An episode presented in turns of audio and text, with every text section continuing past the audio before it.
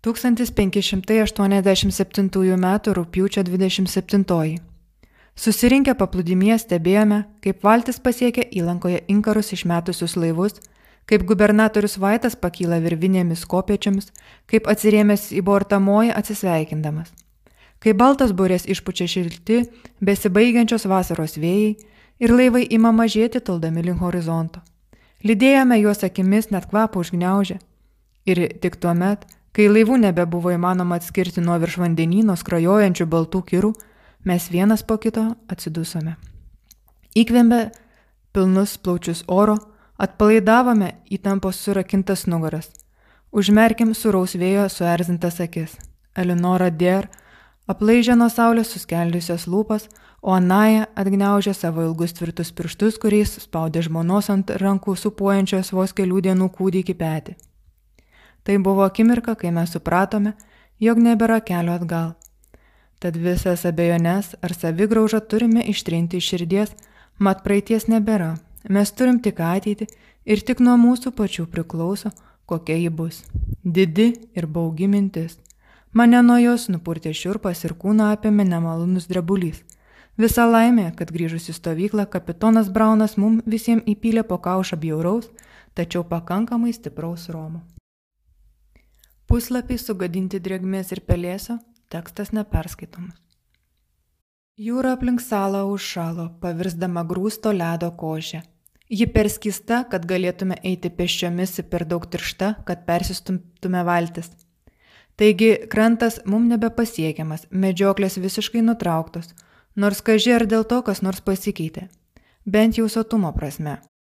Vos čia išsilaipinome ir ėmėme tyrinėti žemynų pakrantės, pastebėjome, jog miškai čia turtingi. Matėme stirnų, elnių, begalės triušių. Tačiau vos išsirengėme į pirmą medžioklę visą tą gyvastis kaži kur prašapo. Iš pradžių maniau, kad mus persekiojančios nesėkmės yra pasiekmė kitoniško medžiojimo būdo. Čia ne Anglija, neturim nei skalikų, nei varovų, galim pasikliauti vien savimi ir kilpomis. Tačiau per paskutinę išvyką nuklausiau, kaip Hauvas jaunesnystis, mūsų dailininkas, kartografas ir gamtos žinovas, porino geriausiam medžiotojui Lapiai Taylorui, jog mūsų patiriamos nesėkmės neturi jokio logiško paaiškinimo. Rudabarzdis tik pritariamai lingavo galvą ir versto kailio pirštinė bružavo apšarmojusi valties bortą. Laukė toks speigas, kokio Anglijoje ne vienas nematėm. O ir pastogės turime palaikį, greitosiomis surestą, keurašonį baraką. Nors ištisomis dienomis kurstome ugnekurą ir neleidžiam anglims atvėsti, tačiau viduje beveik taip šalta kaip ir laukia. Tad tiesiog stingstam iš šalčio ir irstam nuo bado. Štai praeitą savaitę Dubis norėjo iškepti rudi vieną akį, gubernatoriaus Vaito paliktą seną šunieką. Ir visi jam pritarė. Jei ne kapitonas, mes būtume taip ir padarę, te atleidžia mums Dievas. Ir nors stovėjome galvas nuleidę, kai jis mus gėdino ir viešpatės rūstybę grumojo, bet visi galvojom apie tai, kad kapitonui lengva tokiu teisingu išlikti, kai dienas praleidžia ne su mumis tamsoje ir šaltyje, o gubernatoriaus įgaliotinio namuose. Žinia, kapitonas yra laukiamas svečias Dairų namuose, kuriuose įrengtas naujoviškas šildymas ir valgoma ne tik supliekusių grūdų košė. Tad ko jau neapsilankius, ko nuo šios nykumos nepabėgus. Juolab, jog mūsų vadas asistuoja Dairo seseriai. Nors panelė Sibilė ir nėra gražuolė ar ypatingai turtinga, tačiau dabartinė jos brolio padėtis ir ryšiai su Virginijos gubernatoriumi – Būtų tikrai puikia partija. Vilniai rautų, tai atleidžia man viešpat, tačiau mūsų saloje, kur vienai damai tenka dešimt vienišų džentelmenų, bet kokia moteris būtų gera partija. Štai Dubis atsižegnojo nuo korsetai suvaržytų išbliškusių gražuolių ir svajoja, kad grįždamas gubernatorius Vaitas atvežtų paprastesnių, minkštesnių, kaip jis sako, ir netokių prabangių moteriškių, kad mylėtų karštai dirbtų sunkiai ir šerio nešiauštų, vyro klausytų. 1588 kovo 1.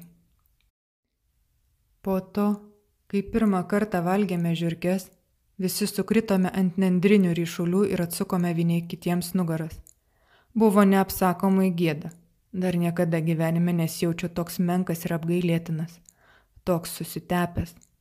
Tačiau antrą kartą buvo gerokai lengviau. Nors valgėme tylomis, tačiau jau nesukome akių, sutikę bičiulio žvilgsnį. Trečią kartą.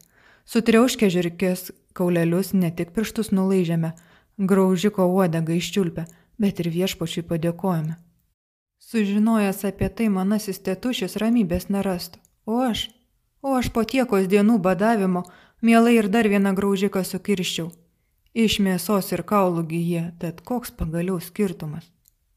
Šiandien virš ugnies praksėjo keli iešmeliai su žiūrkiukščiais. Po to, kai mes juos ėmėme gaudyti, graužikų žymiai sumažėjo ir su siaubu laukėme dienos, kai jų neberasime.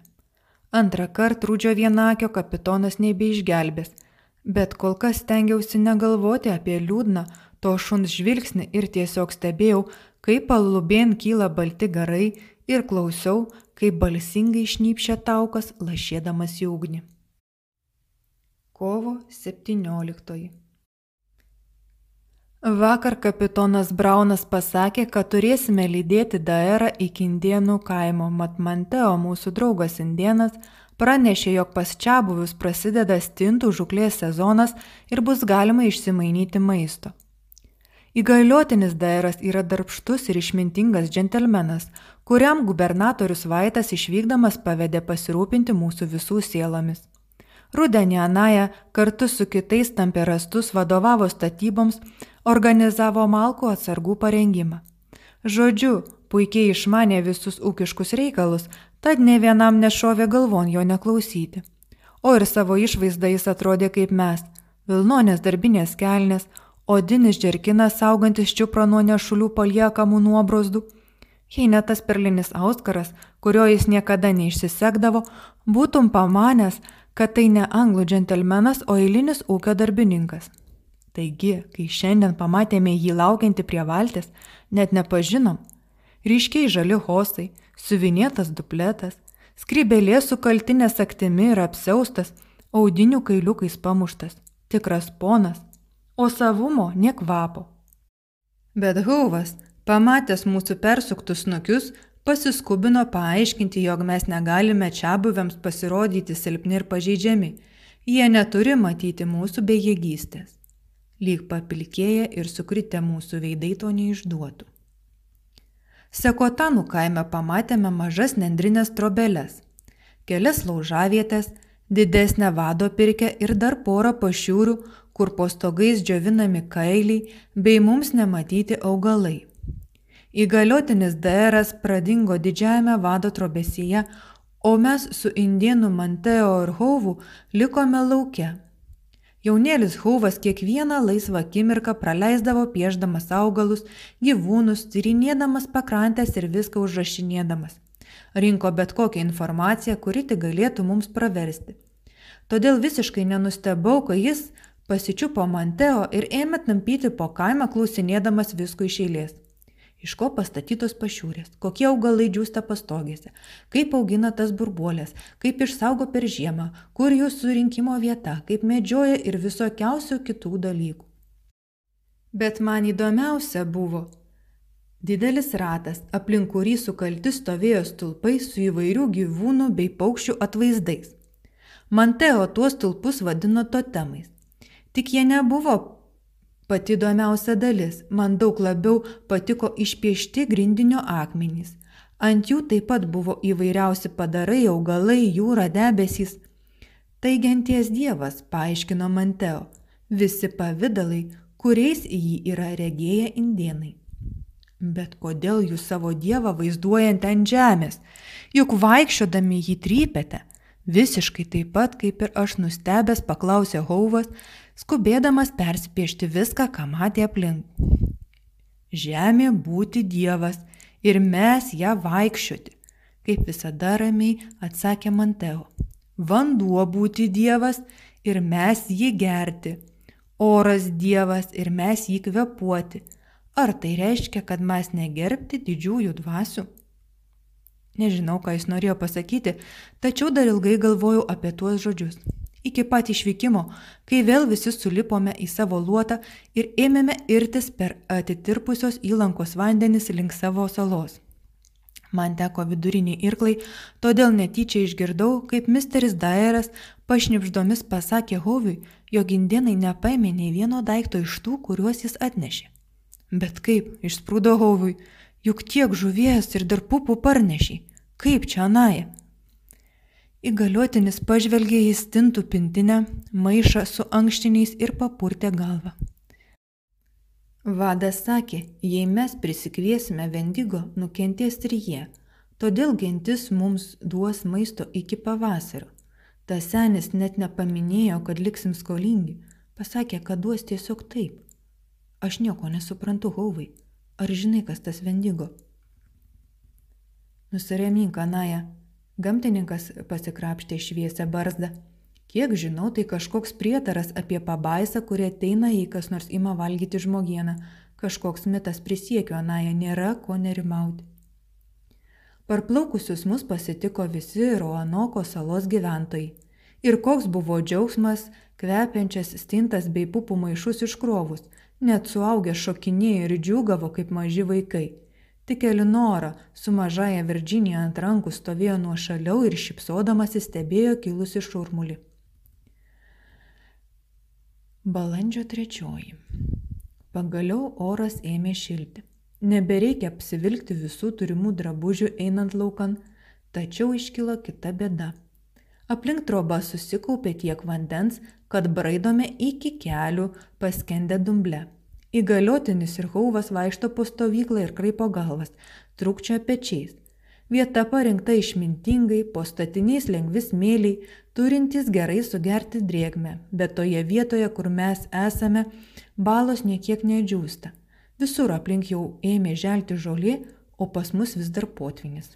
Atrodo, kad pati žemė norėtų nusiplauti visą mūsų stovyklą nuo savo keteros. Kadangi jau laikas sėti ankstyvasias daržovės, Dairas išsiuntė keletą grupių apžiūrėti salą, gal kur Atsiras geresnė vieta stovyklai, mat dabartinė akivaizdžiai nevykusi. Hauvas sako, kad po dirba gali būti molio sankaupų, kurios neleidžia vandeniui susigerti. Galbūt taip ir yra. Juk jis protingiausias iš mūsų net Sorbonos universitete studijavęs. Po kelių dienų žvalgybos visi bendrai nutarėme, kad geriau būtų persikelti į kitą salos pusę. Ten buvo išžvalgyta puikia vieta - didelė lygiai aikštė ant kalvelės, puikiausiai tiksanti fortui, kurį iki jo sugrįžimo pastatyti mums pavedė gubernatorius Vaitas. Taip pat plynėje tilps ir trobos, nuokalnėje yra šaltinis, o aukštesnė vieta išgelbės mus nuo pavasario vandens. Moteris įvertino aplink esančias pievas, kaip puikiai tiksančias mūsų turimoms sėkloms pasėti ir pirmam derliui išauginti. Vienintelis nepatogumas, kad pačioje kalvos viršūnėje augo o gal tiksliau sakyti kėpso, kažkoks milžiniškas sausas medis, šakos pilkos ir belapės, tik apkibusios gebenėmis ir varnų lizdais. Balandžio penktoji. Šiandien pradėjome ardyti pastatus, kuriuos reikės perkelti į naują stovyklą. Anaja sako, kad taip sutaupysime laiko ir bus greičiau, nei iš naujo pasiruošti medieną. Dalį pastatų drėpsime iš molio ir šiaudų mišinio, bet didžiąją trobą tikrai reikės iš rastų suresti.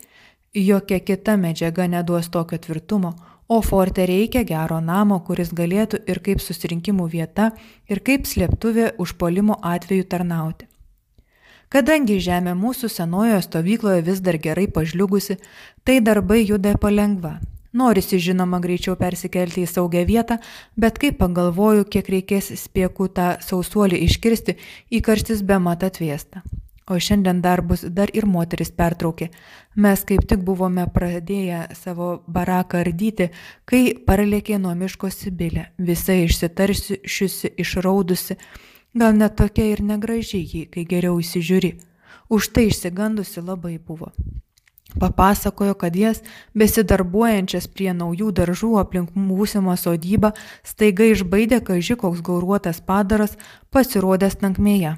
Nors Ana ir glaudė seserį ramino, bet kitiems aiškiai leido suprasti, kad nėra ko bobų klausyti, ką jos išmano. Eisim ryt vyrai, pažiūrėsim, kas ten per pabaisą miškuose slepiasi. Hauvas nerimauja, kad nebūtų kokia puma, Bet lapė Tayloras įsitikinęs, kad tai bus briedis. Jei tai būtų didžioji katė, aiškino medžiotojas, bent viena iš moterų nebebūtų grįžusi, būtų ją suplėšęs padaras, o kad jau taip nenutiko, tai ir nėra ko baimintis. Balandžio šeštoji. Ilgai braidžiojame po mišką aplink būsimą stovyklą. Varnos sutūpusios ant to milžiniško sausuolio mus tylomis iš viršaus stebėjo, net nejaukų paliko. Apėję moterų pradėtus kasti daržus, su smičiu nusileidome žemyn prie šaltinio ir nutarėme paeiti pasroviui, gal kokius pėtsakus prie vandens užtiksime, kol kiti mišką aplink kalvą naršė. O gražu prie vandens plukės purienos kilimais mirguliuoja, būtume visai maloniai pasivaikščioję, jei nekaži koks koburėlis prie vandens. Priejom arčiau, o ten stirniukas mažas, su užpakalinė koja nulupta taip išrauta, kad net pilvas praplėštas, žarnos išvirtė, suplėšytos, smarvė didžiausia. Manėm pastipęs jau padarėlis, bet kai prieėmė, ėmė šnervės virpėti, kraujas iš pilvo stipriau paplūdo. Kaip manai, kas su juo taip? Bato nosimi pabaksnojo žvėrelis mitis. Gal ir tikrai puma, kaip Hauva sakė. Einam geriau grįžtam pas kitus, pasiūlė draugas, kaip tik tuo metu, kai nuo kalvos atsklido riksmai. Supratom, kad aptiko medžiokliai tą moteris pabaidžiusią pabaisą ir pasileidome atgal kiek įkabindami. Ašgi muškietą turėjau, o ten dauguma arbaletais tik apsiginklavę, nors Anaja ir Hauvas taip pat turi šaudyklės. Vos apie tai pagalvojau, nugriaudėjo šūviai. Keturis suskaičiavau, penkis. Mes bėgom kiek įkabindami. Girdėjau, kaip lapė Tayloras šaukė visiems neatsilikti. Dar du šūviai, o mūdu su smičiu jau kalvą pasiekę matom, kaip kiti link to sauso medžio lekia įkalnyin kabarojasi. Šauk, šauk, reikia lapė, neleisk jo lailys. Iškart po jo žodžių nuaidėjo dar keli šūviai. Kai pasiekėme medžio šešėlį, nuo šakų pakilo toks varnų debesis ir tokį triukšmą pakėlė. Visuko ratais aplink rangdamos, Vos nei plaukus mums kibo pažemės klesdamos, kol Tayloras vieną iš arbaleto nupylė. Tada ir kiti savuosius pakėlė ir jį ėmė pliekti. Koks tuzinas paukščių smigo žemyn ir kitos lyg susiprato. Pakilo ir išsisklaidė viršų miško. Tik tada pagaliau ir pamačiau, ką ten vyrai persekiojo. Ant keriepo šaknų užvirtęs gulėjo milžiniškas lokys. Tokio kaip dievą myliu nesu dar gyvenime regėjęs. Jo čiuproje styrojo ne vienas tuzinas strėlių ir kailis lipo nuo kraujo. Kaži, kiek kulkų jam teko, kol išvirto. Nors tokio dydžio žvėris nėra ko stebėtis, kad teko pavargti. Čia urvas, pastebėjo dubis, tūpčiodamas aplink medžio šaknis. Tai lysk vidun, dar pasirodys, kad su jaunikliais, nurodė lapė Tayloras. Eik, tu pats ir lysk, suraukė antakius dubis. Aš kalvis, o ne koks medžiotojas. Aš pažiūrėsiu, Stumtelėjo šalin seniokas mitis ir pasilenkęs iki žemės paniro į tamsią olokio irštą. Kaip ir spėjo lapė, Smitis iš olos ištraukė du sveikus ir jau gerokai paaugėjusius lokiukus. Visi susirinkome aplink juos. Gal pasiliekam, pasiūlė dubis, galėtume pjautinę surenkti, šunimis užleisti, a? Kaip namie būtų? Nagi vyrai, padarom pramogą. Užmuškit, Iš už nugarų pasigirdo girgžintis balsas. Iš pradžių net nepažinau, tik apsisukęs pamačiau Anają. Jis stovėjo dešinę ranką kažkokiu skuduru apsukęs, laikė kaip vaiką prie krūtinės prispaudęs. Nieko nebuvo matyti, bet visi supratom, kad įgaliotinis sužeistas, mat kraujas varvėjo jo odiniu džerkinu ir kapsėjo tiesiai ant kelnių ir aulinių.